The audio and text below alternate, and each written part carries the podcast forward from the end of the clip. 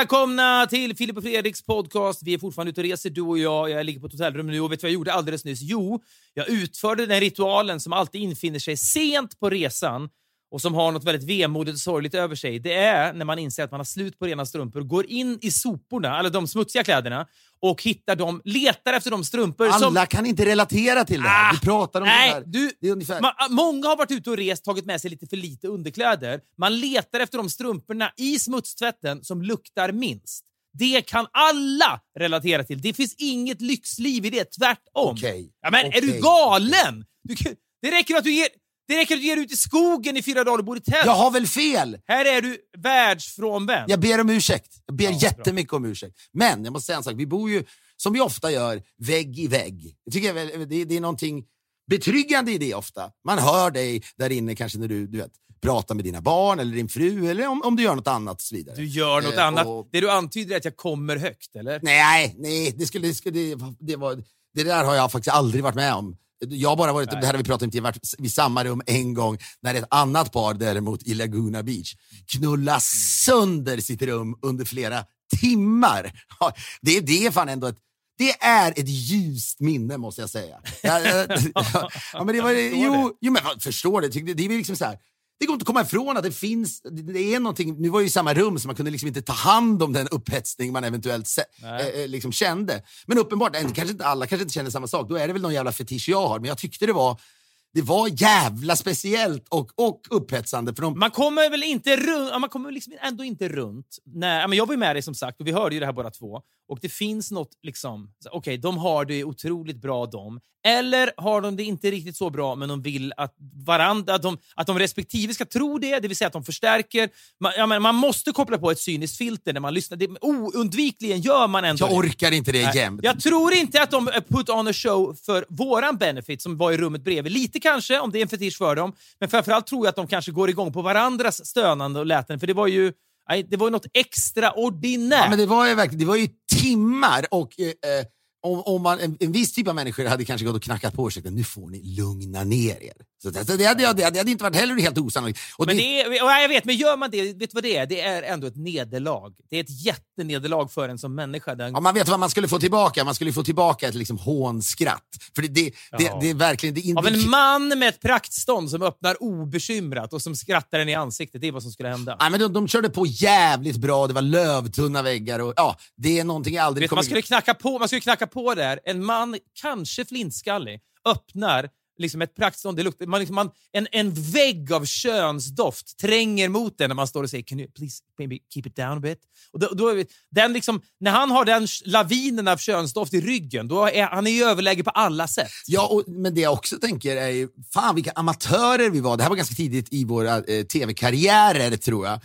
För att vi inte, det är liksom en ganska lysande scen i någon slags, det här var någon slags roadtrip-tv. Man kan liksom, man kan liksom inkludera några, så här, några, några ögonblick, några scener eh, där du och jag bara ligger och slappar på ett hotellrum. Sånt har vi ju gjort. Att vi inte filmade det där, visst man kan fejka sånt ljud. Men, men man borde ju liksom direkt ringt till fotografer och sagt kom upp här nu för nu jävlar kan det bli rolig tv här. Absolut. Jag vet inte. Gjorde, vi, gjorde vi inte det? det? Det ringer en klocka att vi ändå gjorde det. Nej, nej, nej. nej. Då hade vi, det hade varit med. Hund, en sak vet du. Okej. Hade vi gjort det, då hade det nått programmet. Det kan jag lova. Det är lite som den här Kjell, eh, vad heter han? Kjell Höglund skrev ju en låt, jag vet inte om den heter så, men han sjunger i alla fall. Jag hör hur de ligger med varandra på våningen ovanför. Det är någon slags, Fin. någon slags parafras kanske på Nils Ferlin. Jag hör hur de dansar där uppe.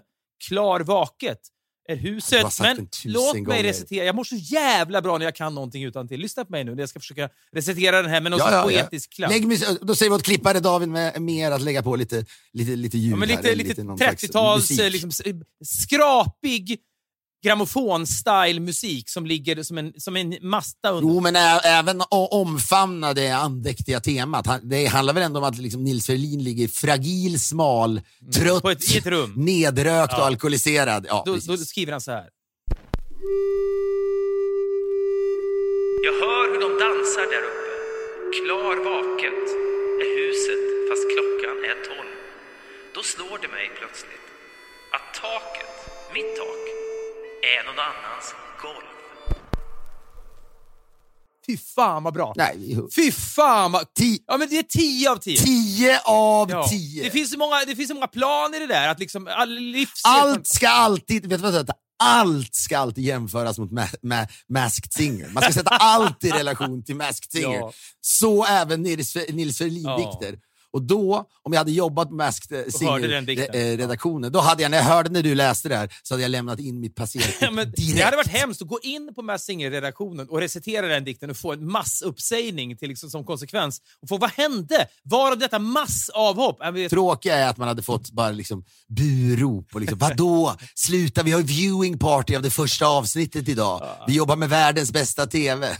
kanske. Vad, vad gör du? Är du pretentiös eller din jävel? Gill, gillar du svartvit TV din jävel? Vi som har så mycket färger i vårt program. Du i din, liksom, din ungdom hade kommit in och gjort det. Du hade bara någon, du vet, någon, så här, någon liksom, cool liksom, tv-producent har tagit med sig någon annan människa in och slagit ihjäl dig med ett baseballträ inne på någon toalett. Ja, men vet du vad? Jag, jag, jag minns att vår kompis Martin Persson jobbade med TV. Du vet, vi, han jo, jobbar ju med oss som gjorde här Chaparral och så vidare. Och han gör massa andra grejer nu, men en av de första grejerna han fick när han, hade, han var på redaktionsmöte med just den här hippe, snabbe TV-producenten som satt och knäppte med fingrarna. Du vet, när det kom, vi behöver nya idéer, snabba idéer, nu, nu! Och så kom han, för, föreslog han någonting och då tystnade knäppandet med fingrarna och den här coola unge producenten stirrade på Martin och sa “Gillar du svartvit film eller?” Och så, vidare, vidare, nya idéer! Och så satt han helt tillplattad för att han, han hade föreslagit någonting som framstod som pretentiöst. Den typen av liksom sabling av någon, gillar du svartvit film eller? Det är liksom ska då indikera att man är pretentiös. Det förekommer liksom varje dag stunder av liksom bottenlös ytlighet på produktionsbolagen runt om i Sverige. Så är det ju. Och allt Jo, och det har vi sannerligen bidragit till också. Ja, men man behöver inte alltid säga ingenting som går att jämföra med, med stämningen på eh, Masked Singer-redaktionen. Det är liksom den dummaste platsen i Sverige, någonsin. Ja, det, är- det är säkert, ja. Jag får lite ångest när du säger så, men du kan ha rätt. Ja. Jag måste bara säga en sak, för jag har då, apropå att vi bor vägg i vägg här. Vi är i Frankrike, det är kul, du reser igen. Ja. Vissa människor tycker att vi ska göra det och göra tv eh, ute på fältet igen. De har rätt. Ja, herregud. Och även vi. Det finns en oerhörd... Jag upp- upplever någon slags nyförälskelse både till genren och till dig när vi nu är ute och, och, och filmar här eh, och har väldigt kul. Och jag har då här på morgonen så har jag, har jag eh, också lyssnat till dig eh, eftersom jag då har suttit här och, och rivit av lite mail. För jag, jag vill bli av med dem så Ja. att jag sen jag ska åka till, Ja, New, ja, jag ska åka till ja. New York imorgon och vill kunna vara lite fri då. När vi skildes åt sent igår kväll, vid elva tiden kanske, så sa du, och jag vill, jag vill, det här kan ju låta, inte vet jag, sjukt. Sluta, vad är det det nu? Vad har jag sista sagt du säger, Vad har jag sagt nu? Det sista du säger innan vi skiljs åt, just jävlar, jag måste ju köpa en bil i natt. Och sen bara går du in på hotellrummet. Eh, och det låter ju liksom som om man, en bil är någonting man bara liksom slänger ur sig i något mejl. Men jag fattar. Sa, sa jag det inför hela teamet också? det gjorde du. Och det folk liksom, blickar utbytes väl, kanske. Köpte du en bil i natt? Jag håller på och tittar. Det, alltså, jag har dock haft panik. Det här, den här själva historien, jag förstår hur det där låter och det är lustigt. Det är som där saker säger jag utan att tänka efter. Men jag tror inte överlag att teamet upplever mig som en lyxlirare på något så irriterande Du sätt. har, en, du har en tendens att slå den typen av utfästelser, att säga dem för att göra dem sanna. Jag vet inte alls hur teamet ser på dig, men vi känner ju flera av dem. Det, det är ett underbart team. Nej, men, jag, men herregud, jag säger inte att jag säger absolut inte att de tycker om mig. Men det är inte så att jag överlag går runt och stylar med något sätt, liksom, titta vad jag har pengar och vad jag underbetalar er. Eh, och det hoppas jag inte vi gör heller. Men det var, jag har nämligen så här, man leasar en bil i USA och det är typiskt mig att vissa, jag har en kompis nu som, som blev dömd för någon jävla liksom, ett brott i USA. Han hade, eh, Lars Wallin heter han, det är han jag tränar med. Han har ju nämnts några gånger här. Men han var ute och sprang på Sunset Boulevard. Då kommer det någon kille på någon sån här Voi, du vet, som åker på eh, trottoaren. Och då skriker han när han kommer springande, så skriker han då eh, You're not allowed to, to, to, to drive Lars here. gör detta, ja. Och vad Precis, fan man ja. säger. Men vad, ja, ja. Och killen bara fortsätter mot honom. Lars är en ganska stor kille. Jag vet inte om killen tänker att ah, han kommer väl liksom, han kommer väl springa åt sidan. Det gör Jag inte bara, Lars. en, en kort passus mitt i detta är ju att jag, jag träffade Lars kort när vi var i USA också. Han berättade för mig att han springer fem kilometer varje morgon, även om han har dygnat, så att säga, varit ute och festat hela natten. Men då har han alltid på sin telefon 911 som liksom klartryckt på telefonen, så allt han behöver göra är att trycka på den liksom den här ringknappen, så kommer ambulansen att kunna hämta upp honom ifall han kommer att segna ner med, med liksom en massiv hjärta, hjärtinfarkt. Det är väl så att han ibland går direkt från swingersklubben, byter om hemma och sen drar ut och springer. Så är Ja, men jag tycker bilden av en människa som joggar med 911 eller liksom, ja, vad heter det, 112 i, i Sverige då, i motsvarigheten redo att ringa tycker jag är... Då, för alla människor där ute som säger jag är lite bakis jag kanske inte ska träna, då ska man tänka på Lars Wallin som joggar med 911 redo. Så, man kan alltid träna om man är, om man är, även om man är bakis. Och det här är ju naturligtvis att han, han straffar sig själv. Det är, det är så det är ändå många som arbetar när man, när man har smutsat ner sig själv eh, kvällen innan. Då. Eller i det här Men fallet. alla har inte smutsat ner sig själv lika mycket. Nej, och i, men i det här fallet så liksom blöder ju då blöder smutset över i en, liksom, en morgon bara. Och så att säga. Det finns ingen sömn emellan. Det finns ingen renande sömn, utan liksom all ångest och all smuts är liksom klarvaket i huvudet och närvarande. Då ska det joggas bort. Han andas ut massvis av olika saker och kroppen har då i uppgift samtidigt att ta hand om massa saker också som finns i, inne i ens För kropp. att alludera till det jag pratade om tidigare, så när han kommer joggande på Sunset Boulevard så kommer det en tsunami av könsdoft för att man trycker Ja, framför men det är sig. bara en sak. Han är alltså, han är alltså den, han är en kompis till mig, men han är ju också då tränare, personlig tränare. Men det är väldigt roligt att ibland när man har tränat klart säger han, ah, ska vi ha en cigg och ett glas vin eller? Och så röker han tre pack. Tre pack. Ja. Det är någonting i det. Ja, men vet du vad? När, när han kommer joggande så kommer det en tsunami av kön, tobak och aceton tryck, fra, tryckt framför honom. Det är det som den här Voi-människan nåddes först av innan han nåddes av att Lars skriker “Get out of the sidewalk”. Ja, han ville ju Lars att jag skulle skriva förordet till en bok han aldrig kommer skriva dock. Eh, så tränar du bakis. Och då vill en, det är en massa tips. Då är det väl bland annat då, 911. ha alltid ni- 911 på speed dial. Men den här vojen kommer emot honom och så bara, ah, då puttar han bara honom rätt ut i gatan. Och det kan man ju tycka det- vad man vill. Killen var ju arrogant. Själv skulle jag nog inte gjort det. Killen var också omtöcknad av den här tsunamin vi pratade om. Han kanske inte hörde. Nej, men så stannar massa bilar och eh, Lars blir väl kanske också då filmad på något sätt av några eh, kameror på, eh, längs vägen eller något sånt där. Va? Så att, eh, han, men sen springer han långsamt hem. Den här killen ligger där. Så jävla allvarligt skadad var han inte alls tror jag. Men han skrek väl åt Lars. Lars springer hem och sen då springer han ner på den gatan där han bor precis i närheten av Sunset. Då kommer det typ tre polisbilar och eh, griper honom. Och eh, du vet så här, säger ja, du måste, det, här kommer, det här kommer vi ta till, eh, till rätten. Skaffa dig en advokat och så vidare. Lars är självklart en människa som inte skaffar någon advokat utan ska argumentera för sig själv. Vi har de människorna Ja. runt omkring oss. Det kan Vi, vara... Man kan dela in sin bekantskapskrets i två helt enkelt läger. Då. Människor som Ja, man vad? i en rättegång skulle försvara sig själv eller inte. Man kan dela in sin manliga bekantskapskrets. Ja. Så är det, verkligen. Exakt så är det. Ja.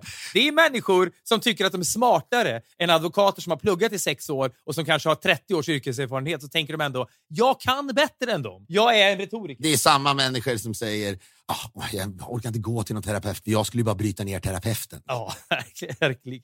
Ja, men, ja, men, och så, så griper de honom, så blir han då kallad till rättegång. Och det, är liksom, det är inte något jätteallvarligt brott, så folk sitter och väntar på att få gå in. De, tar väl liksom, de river av en massa brott av samma karaktär ungefär. Va? Men de allra flesta har med sig egen advokat. Lars har inte det. Det går som det går. Han döms då han döms till samhällstjänst, men han döms också till att göra en anger management-kurs via Zoom. Ja, okej. ja. Och den måste han då ha gjort, liksom, jag tror att han behöver ha gjort den innan, om det är innan november månad är slut. Det här skedde i augusti, så han har haft massor av månader på sig att göra det här. Då messade han igår och sa, lite pressat här nu, måste köra, liksom, måste köra åtta timmar per dag med anger management om den kommande veckan. Och tydligen är det så, och han sa, fan man kan, de liksom, har någonting, de, det sitter någon samtidigt som den här kursen görs och ser så att människan som sitter framför Zoom inte går iväg. Nej. För i så fall blir man, och då, i Lars fall, då, om man inte gör det, ja, då kastas man ju rätt in i Lars fängelse. har ju grav ADHD, så att bara sitta framför en skärm i åtta timmar för honom är ju plågsamt i sig, gissar jag. Han frågade mig en gång, han visade ett kort från när han gick i skolan. Han gick i fyra olika obsklasser. Alltså, Ja. under, så visade han, kolla på det här klassfotot. Ser du var jag är någonstans? Tittar jag på klassfotot. Nej, ser han, då ligger han liksom under stolarna täckt av liksom sina klasskompisar. Ja. Ben, Man är- som en kul eh, grej. En illustration av någonting. Men apropå varför är det den här historien? Jo, men det där beteendet eh, alltså, liknar mina beteenden väldigt mycket. Skulle jag också kallas till rättegång så vet jag att, att jag, att jag och dömas till någonting. Då skulle jag verkligen skjuta upp in Ja, ja, ja. i det sista att göra den här kursen, då, anger management kursen. kursen. Det är samma sak som när jag du vet, tankar. Det är sinnessjukt. Alltså det det är liksom, jag kör på tom tank så länge det bara går. Det är liksom, alla jävla varnings, varningsblinkers i hela bilen tjuter innan jag till slut går och tankar. Då. Jag kan här, däremot tycka, när jag har liksom så här, nu, nu har jag 237 kilometer kvar i räckvidd. Tankar jag nu, då är det som att jag liksom, jag jag kan liksom bada. Vad är töntigt? Ja, Ja, jag förstår att det men du vet, också. Nej! Mm. Jag säger vad är töntigast? Det är säkert det jag sysslar med också. Men Ja, det känns men ja. i mitt fall nästan som att det är en sjukdom. Det är någonting som är fel på mig. Jag förstår inte att jag aldrig någonsin kan bryta mönstret. Det är så många mönster så du tar inte susning om som jag inte kan bryta. Jag kämpar med dem, jag vill bryta mönstret. Ja, ja! Ja, men du har väl också det? Men du vet, man bara känner att vad fan, hur svårt kan det vara? Ja, Tanka ja, ja. nu. Ja. Men det är exakt samma sak med den här bilen då, som jag hade på lease. Ja, då ringer de till mig. Ja, du vet att den går ut imorgon. Du måste lämna in den här, annars förlängs den bara. Och det blir dessutom dyrare, eller vad de sa. Du, jag har inte ens tänkt på det. Det gör ju vanliga människor. Och då var jag tvungen att arrangera eh, i LA via några kompisar att bilen skulle lämnas in. Och nu är jag också billös. Vilket också är väldigt jobbigt, för jag har barn och så vidare som ska transporteras. Av den anledningen så satt jag då uppe i natt och försökte köpa en bil eller leasa en bil. Det gick sådär! Jag sköt det på framtiden. Så är det. Men du, jag vill bara sluta resonemanget jag började eh, och som jag inte ännu har liksom nått fram till. Det vill säga att vi bor så nära varandra. Hela morgonen nu, när jag har rivit av mejl, så har du liksom, du har likt en gubbe på liksom 70 år harklat dig hela tiden och småhostat. Jo, men... och du är förkyld kan du säga, men det är Ja, verkligen... men, ja, ja, men jag, när vi spelade in podden förra veckan var jag ju mycket krassligare och hostade som en Men vad galning. är det där? Det där är verkligen- det känns men, nu, verkligen ja, men vad fan i helvete! Jag hostar igång nu när jag är krasslig. Försök inte måla någon slags liksom, det, det känns som att du liksom... Är... Äh, Jo, det är det. Liksom... den här motorn behöver liksom poleras extra mycket på morgonen nu man ska podda och vad fan jag Skit i mig! Så lever du Ja, längre. men det verkligen sant. Jag tänkte, är det låter som att jag har en gubbe som sover i, du vet, som, så, i ett handikappanpassat rum som liksom inte kan resa sig upp ur sängen Utan- utan liksom lyftas upp med en Gör kran. inte en dödsrossling av det här. Jag var nere och käkade frukost, så hade jag, så, i och med att jag slut på strumpor så tog jag ett par av de här liksom, eh, tofflorna man ibland får på hotellrum, som, som liksom är ihopknutna med badrocken på Ja, vissa rum. jättelövtunna. Lövtunna. Ja, lövtunna. så de- långt de- från Nike Air Max man kan komma. Att Ja, ja, men det är någonting med dem som det är knappt ett, ett, ett fotplagg. Jag vet inte ens vad det är. Liksom. Ja, men det är som man går på en servett. Ja, ungefär. det är som att gå på en servett. Och då liksom när, jag gick igenom, när jag gick igenom frukostmatsalen så var det fullt med folk där inne. Så var det något klistrigt material under dem. Så det lät som att jag liksom gick i vinfläck. Jag lämnade dem där nere och åt barfotas med Ernst Kirchsteiger och kände mig liksom levande i det.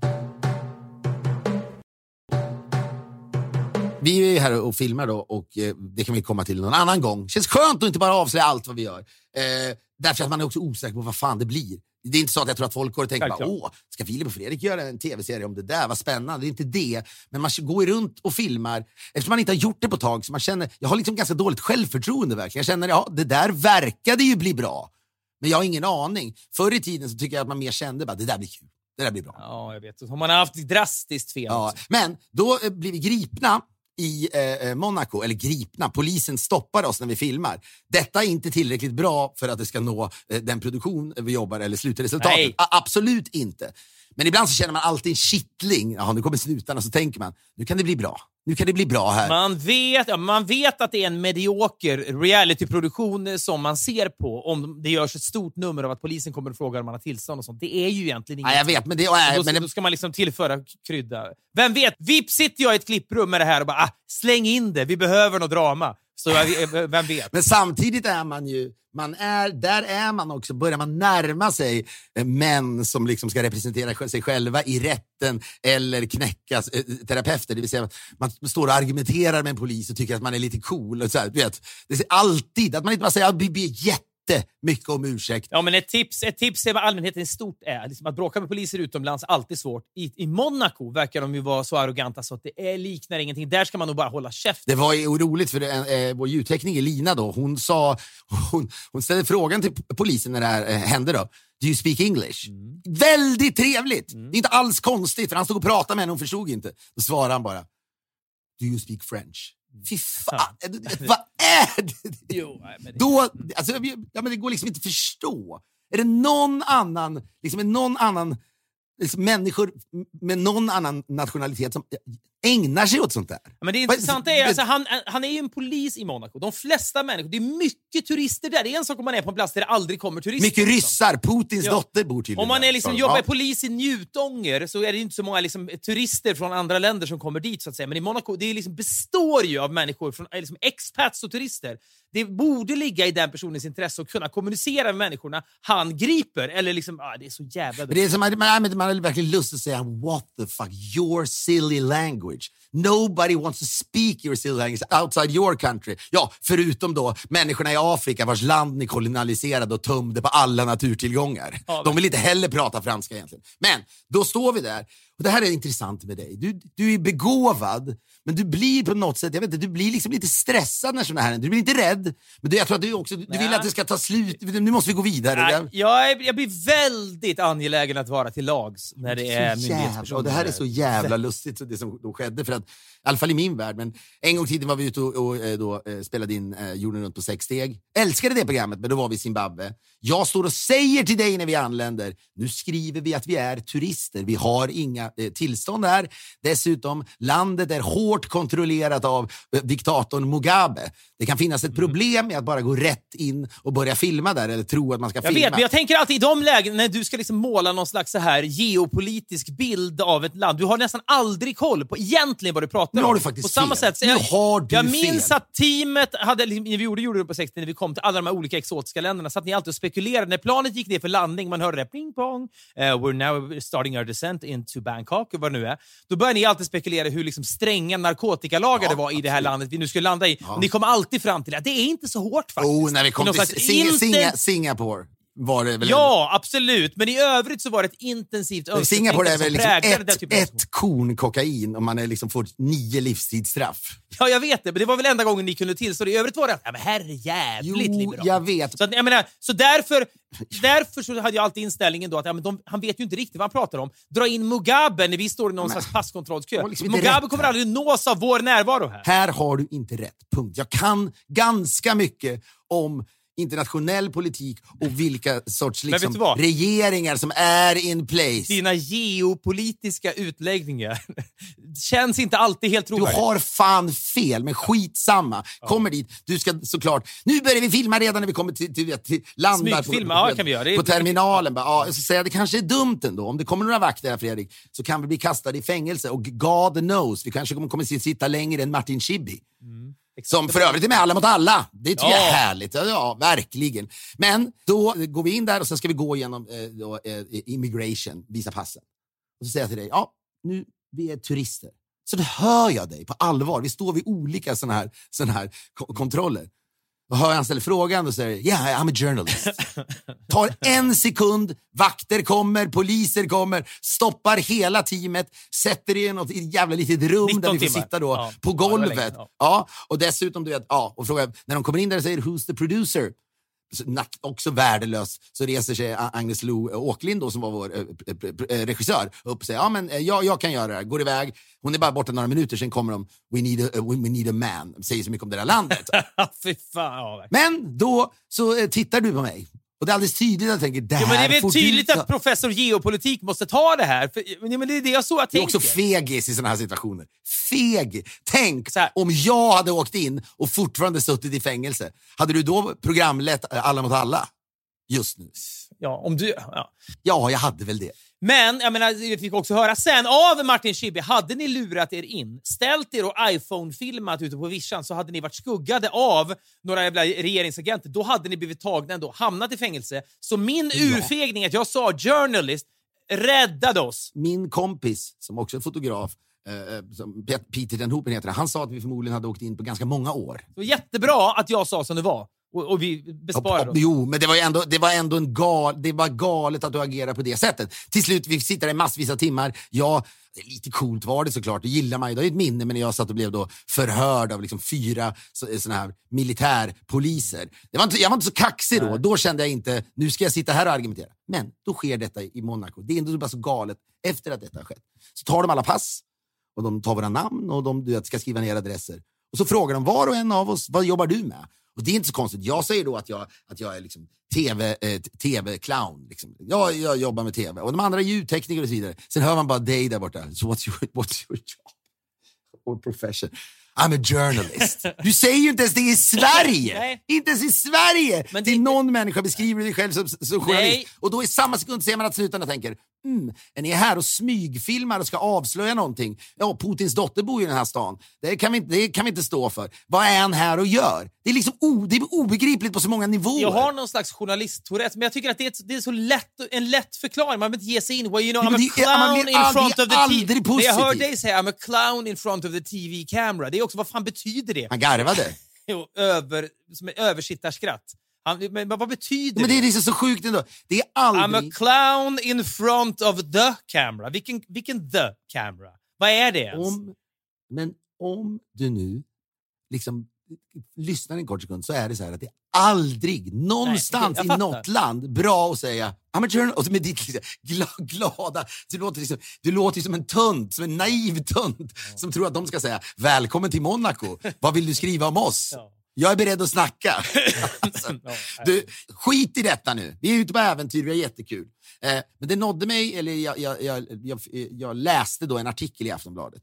Eller jag ska säga så här, jag ska fan cred till den som ska få cred. Tom som är en av de som jobbar med oss här, eh, sa att, eh, liksom gav mig den här artikeln. Och då är det eh, så att Sportbladet eh, skriver om Senegals stora fotbollsstjärna Sergio Mané. Eller Sadio Mané heter han. Spelar i Liverpool, eh, eller spelade i Liverpool, spelar nu i då Bayern München. Och, eh, ja, han är definitivt den största just nu fotbollsstjärnan från Afrika i hård konkurrens då med Mohamed Salah som, som, från Egypten. Då. Men han är en gigantisk stjärna. Och nu har ju då VM-trupperna börjat ramla in. Det startar ju snart. Det var ju, det var ju ändå någonting, tycker jag. Alltså detta skit-VM, som det är lätt att säga också när Sverige förstås inte är med. Men när då... För första gången har jag problem. Jag måste verkligen säga det. Jag försöker inte komma, jag vill försöker inte vara woke och piss. Som den där. Tänk att verkligen han, DeSantis i Florida, och det är väl smart då, men liksom hela hans kampanj har gått ut på att liksom stop the woke. Alltså det är helt otroligt vilket skällsord det har blivit i amerikanska högerkretsar. Ja, det det- representerar liksom någonting helt fruktansvärt. Ja, över hela världen skulle jag ändå säga. Jo, men ännu inte, det är inte så att, det är inte så att liksom svenska politiker än så länge står och pratar om det hela tiden. Nej. Men säger, det är någonting ändå i mig då som gör det lite svårt. Jag vet att jag kommer sitta och titta på det här, så jag vet inte varför jag säger det här, men det är någonting så här.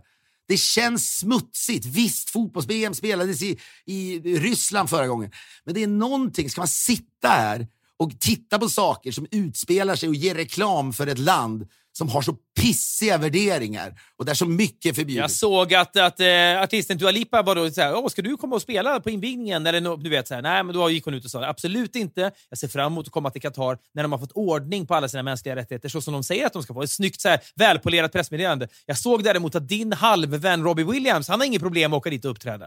Han ska Ja, dit han är ju inte min vän, så det är tur det. Men det där är... Det kommer, men jag som säger, det är lika bra att erkänna. Jag tror att jag kommer sitta där, skrika, vara lycklig, följa Frankrike. Följa just... Kommer, hej, jag har bestämt mig för att på Frankrike. Det här är intressant att veta.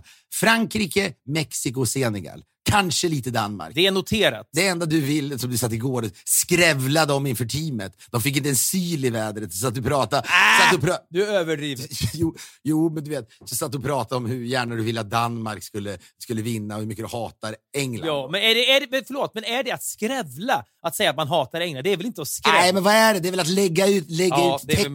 lägga ut texten. Och inte, och lägga ut texten utan att andas, så att inga Ja, andra men det kommer var till ju någonting med just England, alltså det är för att man hatar de engelska fansen och hela självbilden och så vidare. Men när, då det kablades ut bilder från Qatars officiella kanal, antar jag, nu är de engelska fansen här, så var det ganska uppenbart att det var utklädda gästarbetare som då fick agera engelska fans för att skapa en VM-stämning. För jag antar att vi, England, engelska fans har inte råd att vara i Qatar en vecka innan VM, eller England börjar spela. Så det är ganska uppenbart. Men du gillar din, ni, din nidbild av att det är liksom arbetarklass Ja, men förlåt, men det som är i Qatar. Det är inte liksom en tsunami återigen av engelska fans som åker en vecka före första match. Jag vet, jag vet inte Nej, Fredrik. så, är, så är det bara.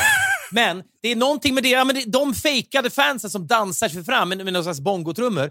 Det, det var ju också någon slags Eh, ska man säga, metonym för hela plastigheten i hela evenemanget, så som jag vill se det. Men, jag- men, men, men, jag måste, men jag måste också säga att det är liksom det, det, drömmen, och det kommer ju aldrig ske, men det känns ju så här, det är ändå så att Fifa är liksom den ruttnaste organisationen som finns på hela jorden. Men av någon anledning så är de lite liksom untouchable. Jag, någon får förklara det för mig. Olof Lund har säkert förklarat det i den boken jag borde läsa. Ja, med det templet i ja, öknen. jätte- Jag har läst den och jag Gå köp den. älskar den boken. Det är inte bara fotboll, det är hela världen samtidigt. Är, han förtjänar verkligen den stora journalistpriset-nomineringen. Men det är ändå- jag- jag jag- också för sina Cards of Qatar som vi var de första att berätta om här i podden för ett halvår sedan. Också skitbra idé. Duktiga människor som gör ett hårt jobb. Respekt. Absolut, men jag kan fortfarande ändå känna så här, hur är det möjligt? Fifa är liksom den sista bastion... Ah, det är det inte. Det finns väl hur många jävla gubbastioner som helst. Men det är ändå en gubbastion som om någon på något sätt då överlever. Det är ju massa jävla korruption och de liksom tvingar folk med pengar kunna muta folk till att rösta så att liksom Qatar kanske fick det här VMet. Och så vidare. Men det hade varit, det man drömmer om är ju liksom att nej men det här, nu har det pågått en jättegrej under the radar. Det är liksom fotbollsnationernas eh, vet, så här, underrättelsetjänst. Alla de har gått samman och så här, när det väl ska blåsas till match, då går alla av planen i varenda match. Ja. Det hade varit det bästa som hade kunnat Ja. skett. Första matchen, det, domaren Det, blåser. det är Qatar tyvärr. Det är tyvärr Qatar som Det spelar. kommer inte att hända. Okej, andra Ecuador matchen. tror jag möter. De möter väl Ecuador tror jag. Ja, i och för sig. Och Ecuadorspelarna bara står där. Det är de som har avspark. De rör inte bollen. De, bara, de går och sen efter fem minuter protest, då lämnar de planen. Och sen kommer de aldrig Och så in tänker de, åh, så, och så, och det, och så blir, så blir liksom rapporteringen i tidningarna, ah, Ecuador, detta modiga lilla land. Sen är det liksom nästa match, som det är typ Frankrike-Iran eller någonting sånt där. du Vet. Och då gör de samma sak. Alltså då, det hade ju varit något Vilket mest skådespel, ikoniskt. ja. Ja. och så hade, du vet, så hade Joe Biden gått ut presskonferens och säger, jag vet att ni har sett fram emot VM, jag förstår det. Vi ska inte skjuta upp det här VMet. Ja, det om, en vecka, att- om en vecka så spelar vi en ny invigningsmatch i Dallas, Texas. Pontiac Silver Doom, som han har Ja, Arne Hegerfors uttalar. Men Det det är finns tyvärr med... det finns Ja. tyvärr inte. Nej, men det är någonting med den, den liksom lagda fotbollsplanen och det som tillåts hända innanför de här vita linjerna, att det händer sällan överraskande. Det är samma sak vi pratade förra veckan om. Sean Penn räcker över en Oscar till Zelensky och säger “Bring it back to Malibu when the war is over”.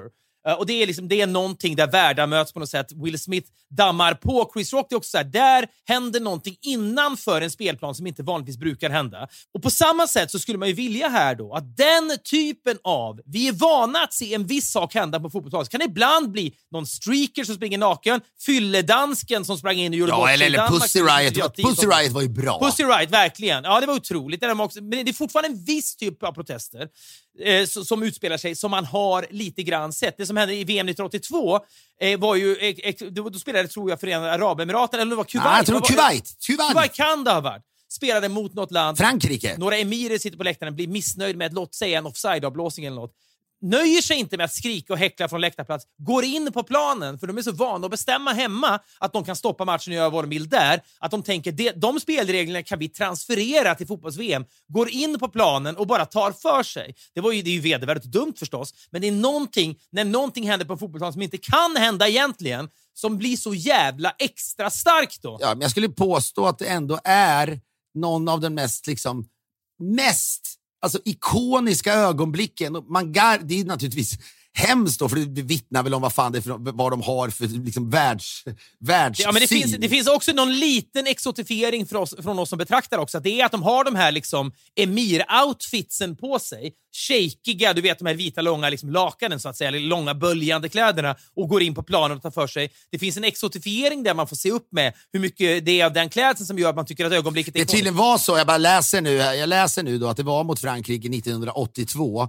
Och då är det Kuwaiti chic disagrees with the goal and orders the players off the pitch until the ref changes his mind. Och det var då att de hade hört, någon, liksom, de hade hört en, en, en, liksom en, en, viss, en visselblåsning från läktaren och missuppfattat någonting. Då. Men det är liksom, det är för bra för att vara sant. Och jag uppmanar till den typen av aktioner, men framför allt skulle man då uppmana till en, en, aktion på förhand, fullständigt förankrad, in i minsta detalj. förankrad i USA. Det bara står du vet, United Airlines och American Airlines plan. Hela flottan står på Qatars flygplats. Ja.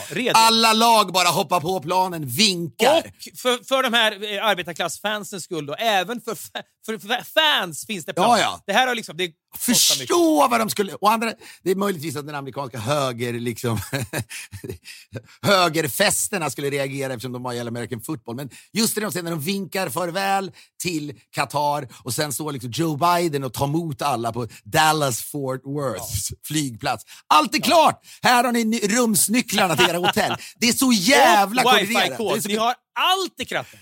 Allt är klart. Ja. Tillbaka till Mané. Ja, men Mané då. Och eh, De har börjat ta ut trupperna nu. Jag tycker att det är väldigt kul. Hit och dit. En massa då, spelare som är skadade. Nu är VM-peppen tillbaka i ett dråpslag. Ja, men jag, jag säger det, bara jag pratar om det. Kan, men då är det några, det är massa som är skadade i Frankrike. Då. Pogba kan inte spela, Conte kan inte spela. Ja, ja, ja. Det gör ont i hela kroppen. Jo, men vadå? När, när spelare missar VM, det är tråkigt när stora spelare missar VM. Det är väl en Jota i Portugal och så vidare. Men, det är några. Men sen så har det då varit eh, klart då att Sadio Mané missar VM.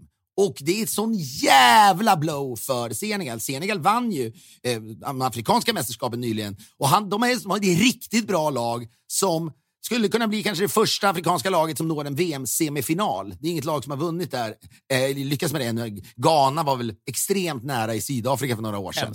När den dramatiska minuten, ja, vad gjorde Suarez? Han, sen, sen han tog bollen. Det var, han, det var några minuter kvar, Ghana var klara, de ska, för de var på väg att göra mål. Och då tog Suarez bollen med handen, blev utvisad och den här då, eh, ghanesiska fotbollsspelaren missar straffen. Alltså det, är, det var då Lasse Granqvist skrek så här. Suarez är utvisad. Vi är framme i den 122 minuten. Matchens sista spark. Afrika har aldrig varit i semifinal i ett VM. Asamoah Gyan med höger, där skjuter i ribban! Han missar! Han missar! Oh mon dieu, my God, what is going on? Han missar straffsparken! Han bränner den! Han sumpar den! Allt skiter sig för Ghana och Asamoah Gyan missar straffsparken. Och matchen är slut. Allt skiter sig för Ghana. Fy fan vilken bra sammanfattning. Ja, men vet du vad som är bra där också? Till skillnad från andra då, fotbollskommentatorer. Det där var inte skrivet på förhand. Han sa Nej, och det finns, inga, det finns inga poetiska flykt liksom det är väldigt Fredrik Wikingssonskt skulle jag säga. Du skulle säga, jo men, det, den, ja. jo, men det är något bara, det är skit! Ja, men off, det finns ju sjuka, det vi pratade om tidigare med bland kommentatorer nu, att man ska uttrycka sig poetiskt och ferlinskt kanske, vad vet jag, om vi ska alludera tillbaka till honom. Ja, det är väl dags men, nu. Nu kommer vi kunna vänta oss det från han Christian Olsson på Radiosporten som alltid... Han har väl, ja, han har väl liksom, han har väl liksom sig 30 för att, förskrivna ja, sidor nu. Ja, för att gå rakt in i årskrönikan sen och bli virala så att säga. Eller årskrönikan, nu är det viralitet som det handlar om. Men det där, allt skiter från Ghana, det, är liksom från, det kommer från kuken på Lasse Granqvist. Det kommer inte från hjärnan och därför är det vackert Men då Sadio Mané, eh, och då tog de i alla fall ut honom i truppen, meddelar de här. Han är så pass svårt, eh, svårt skadad, men de tog ändå ut honom för det är möjligt, de tänker väl så här, ja, men tänk om vi går riktigt långt i turneringen. Om en månad, då kanske han ändå är i tillräckligt bra skick för att spela en semifinal eller en final. Jag fattar det. Det skulle jag också gjort ja. om jag var Senegals förbundskapten. Jag är inte det, men jag vill ändå understryka Men skulle... någonstans i Senegal nu sitter det ju förstås en spelare då som hade blivit uttagen eh, om inte Mané hade tagits ut och han får nu inte åka och han deppig kan tänka på honom i en sekund. Där har vi tänkt klart på honom. Men då är det så, Aftonbladet ja. eller Sportbladet skriver då en artikel om detta behöver inte nämna journalisten, det känns onödigt att pissa på honom. För det har ju varit någon textredigerare som har gått igenom det här och, och, och, släppt igenom vad han skriver då. Men då är det så här, Sadio Mané går en kamp mot klockan för att bli spelklar till VM-premiären. Så långt, inga konstigheter. Nu tar Senegal hjälp av en häxdoktor för att snabba på re rehabiliteringen. Och det är ändå, jag tycker det är så fi fint när man ser hur, alltså det är, för det är, det är hemskt men det är också bra, eftersom vi nu uppmärksammar det, kanske någon annan också, men när man ser att det är så att liksom, rasismen bara flödar ibland i, på ja, sportsidorna det är, det, det, och det är på andra sidor. Det är en subtil, ja, men exotifieringen, och kalla det rasism eller vad som helst, men det är, det är en subtil sak. Därför att hade det här varit, ta då en, en kritvit spelare, säg en, en spelare i Tyskland. Ja, men säg så här istället. Du, du vet, så här, om Sverige skulle gått hit och säga Alexander Isak... Är... Nej, så här, Harry, Harry, nej, men Harry Kane är skadad i England. Han och då åker till Sverige till Executive Health som följer med honom, där du har varit då. Ja, äh, nej, men de, de, de skulle kunna ta in en, en motivational speaker, naprapat-Gunnar för i helvete, som också jobbar som ja, men också, De skulle också ta med liksom, tre, du vet, de har också med sig den bästa läkaren för den skadan han har då från Harvard University. Ja, och så någon som jobbar med mental träning hade de ju sagt. Då. Han är bäst i världen på mental träning. Naprapat-Gunnar som är bäst i världen på mental träning Ja, men inte bara. De hade väl också sagt att det hade också stått bara, för det här handlar väl om i den mån då, när de, när de säger din häxdoktor så är det väl liksom att olika brygder kommer kunna göra honom Ja, frisk. men alternativ... Ja, visst, så, så det här handlar om alternativ. Hade det varit Harry Kane så hade det stått alternativ medicin. En homeopat hade de. Det, det är den bästa liknelsen. Ja, precis. Och alterna, allt, alla, som jobbar all- med örter. allt är tillåtet. Men, ja, men man hade ju till och med haft någon, en känsla av att mm, det där kommer nog inte funka. Men det här är då en, en version av när, man, när vissa då kan säga om du vet, en svart bluesångare eller en, ja, en, en, en, svart blue, bluesångerska, vad som helst, där då i en recension skulle kunna stå att personen i fråga har rytmen i blodet. Ja, men lite så är det faktiskt. Ja. Ja, men det här är nästan ännu värre, för det då cementerar ju bilden av att Sadio Mané just nu är i Senegal i någon liten by, går in i någon jävla... Liksom, du vet, Voodoo-hydda.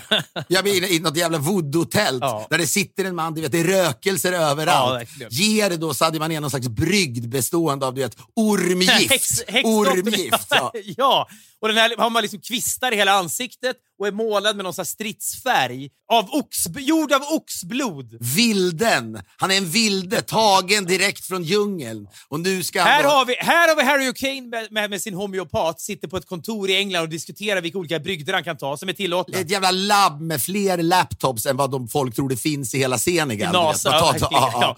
Där, där sitter Harry Kane och samtidigt i en hydda sitter han med liksom en oxblodmålad häxdoktor. Och jag vet så För att liksom på ja. voodoo-manér får man ner spelklar. Även om det nu är så, jag ser inte att någon, det finns ingen här som citeras som representerar Senegal som säger att det är en häxdoktor, utan den personen säger, vi, eh, de, de, sa- de, de sa på frågan om Samora tror hjälpen från häxdoktorn är effektiv, vet hon inte riktigt vad hon ska förvänta sig.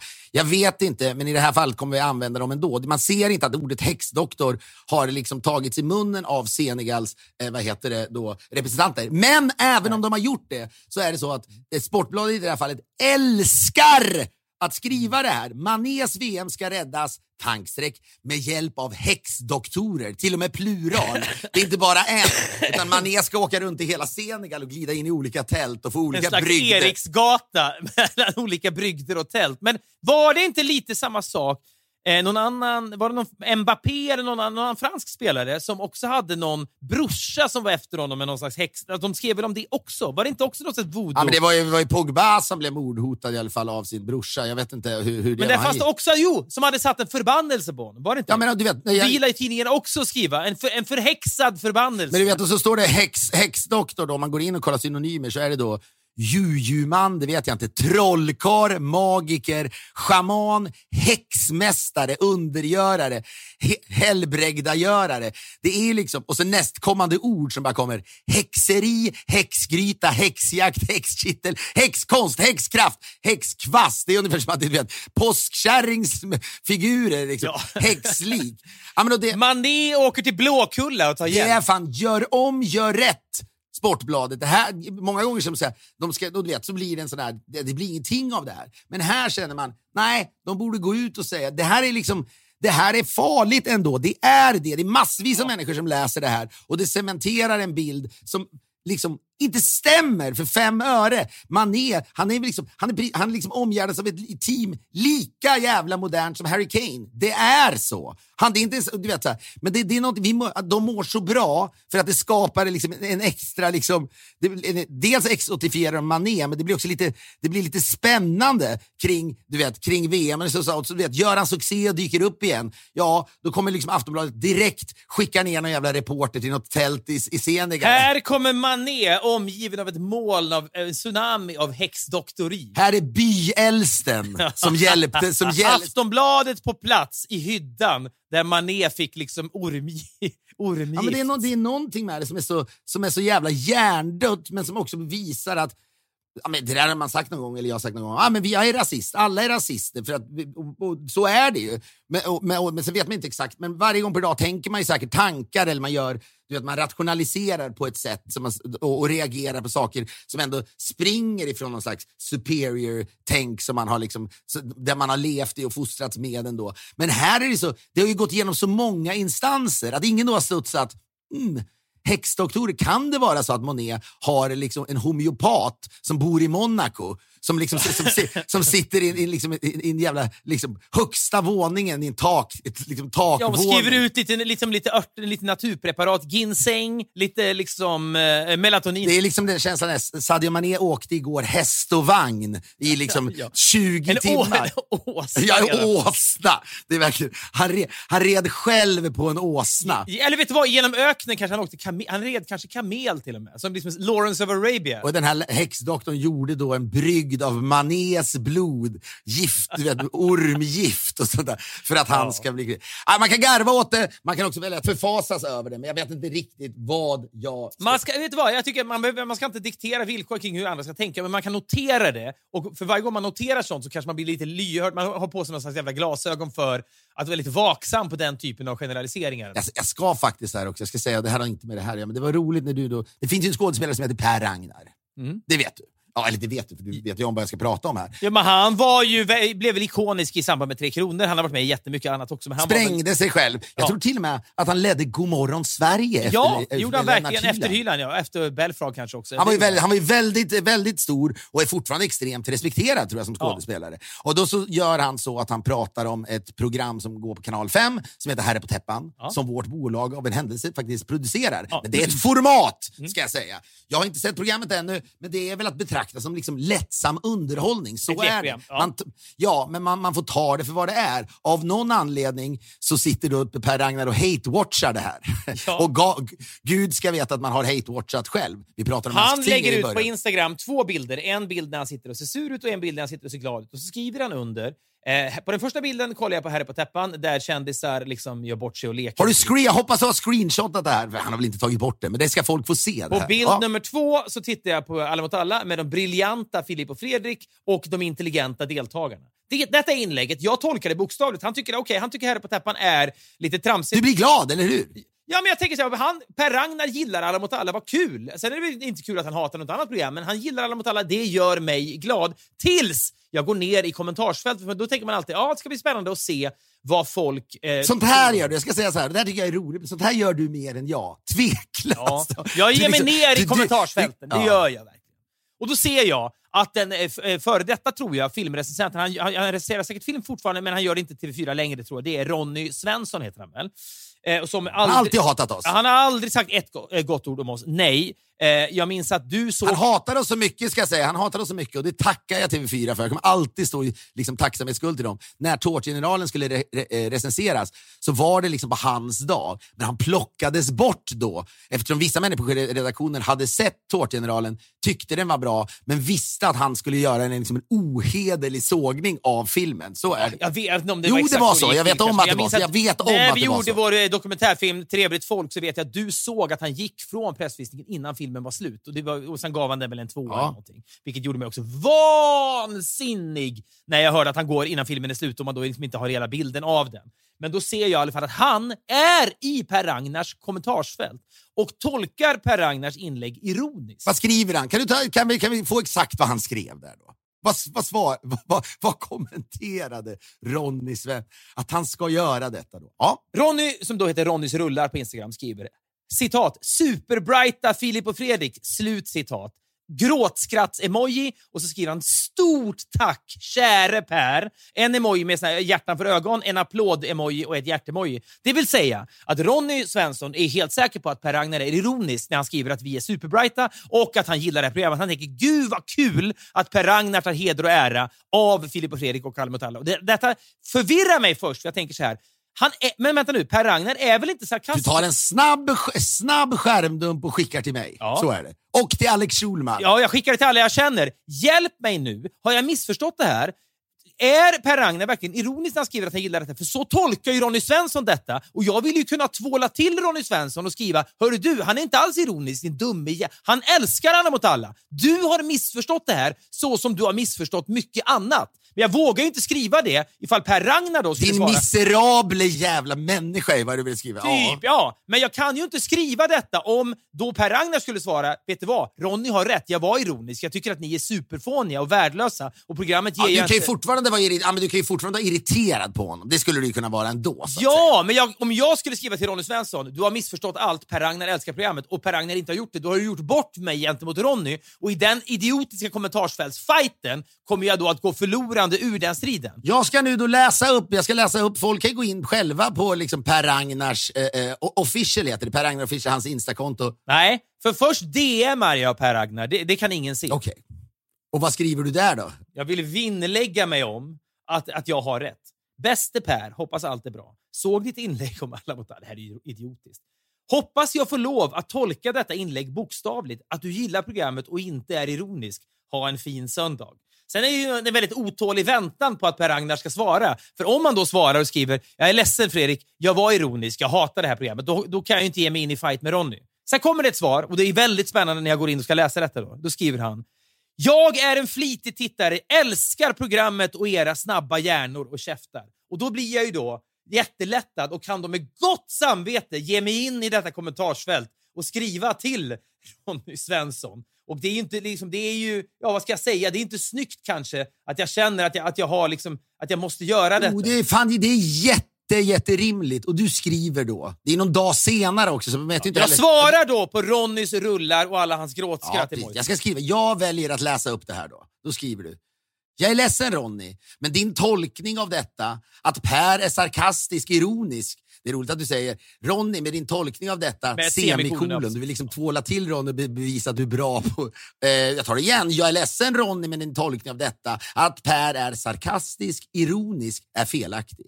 Per menar vad han säger. Han älskar alla mot alla, inklusive de superbrighta Filip och Fredrik. Och dina gråtskratt-emojis är således missriktade. Men jag är inte särskilt förvånad. Du har missuppfattat din omvärld för nu gjorde du Ja. det igen. Ja, jag vet inte, vad är det ens? Vad är Jo det att, jo, men du försöker ju vara lite... Du försöker, vad det är är ju 100% förakt och hat. Men du försöker ju förpacka det i något slags, liksom, i något slags du vet, juridiskt bråk. Ja, ja, att jag försvarar mig själv i rätten, det är, vad, det är vad jag gör för att knyta ihop säcken. Ha, har han hört av sig? Nej, det har han inte. Det, men, men min kommentar har en gilla-markering och den gilla-markeringen kommer från Per Ragnar. Jag är inte säker på att han vet vad det är. Jag vet inte om han... Om han Oj, ja, oj, oj! Ja, där, men så här är det. Jo, men nu är ju Per Ragnar på Ronny Svenssons shitlist. Följer ens Ronny Olsson, eller Ronny, Ronny Svensson, följer han. Per Ragnar längre? Nej, på, ett, på ett sätt ska jag tillstå, när det gäller etik inom sociala medier, så är det lite ohederligt av mig att först DMa Per Ragnar för att få sanningen av honom. Sen den. använda informationen för att tvåla till Ronny. Han har, gjort, han har varit för vidrig mot oss genom Jag borde ha vågat skicka in min kommentar mot Ronny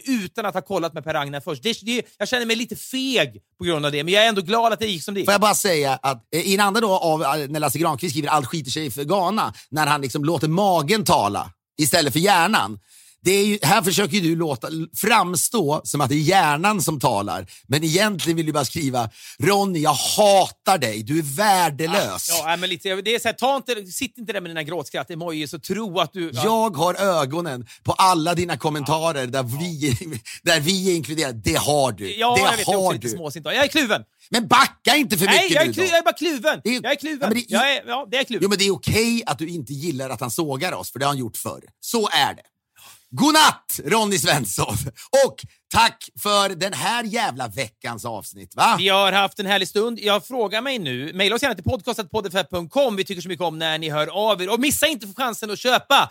Det börjar ryka biljetterna nu till Globen alla mot alla 9 december. Enorm final, Ja, enorma faktiskt, jag, hade en, jag hade en kompis som var inne och fick panik och köpte hela tio biljetter för att inse att ja, så jävla många biljetter är det inte kvar. Det blir är jä jävla härlig kväll. Markus Krunegård och hans underbara band kommer att liksom vara med oss hela kvällen och spela musik och alltihopa. Det kommer att gå gästartister. Andra stora artister. Ja, vi har era massa hemlisar och överraskningar klara redan. Det kommer bli sån jävla härlig kväll. Biljetter på axs.com. Och frågan jag ställer mig nu är, slutar vi med Timbuktus låt om sin revisor eller Don McLean American Pie? Du får välja. Du, nej, vet du vad? Det har aldrig, jag har aldrig fått välja någonsin, så välj du. Varför ska vi bryta den Don McLean American Pie! En underbar låt. Vi hörs igen om en vecka. Ha det underbart. Hej! Hej! So bye by Miss American Pie. Drove my Chevy to the levee, but the levee was dry. And them good old boys were drinking whiskey and rye, singing, This'll be the day that I die. This'll be the day that I die. Did you write the book of love and do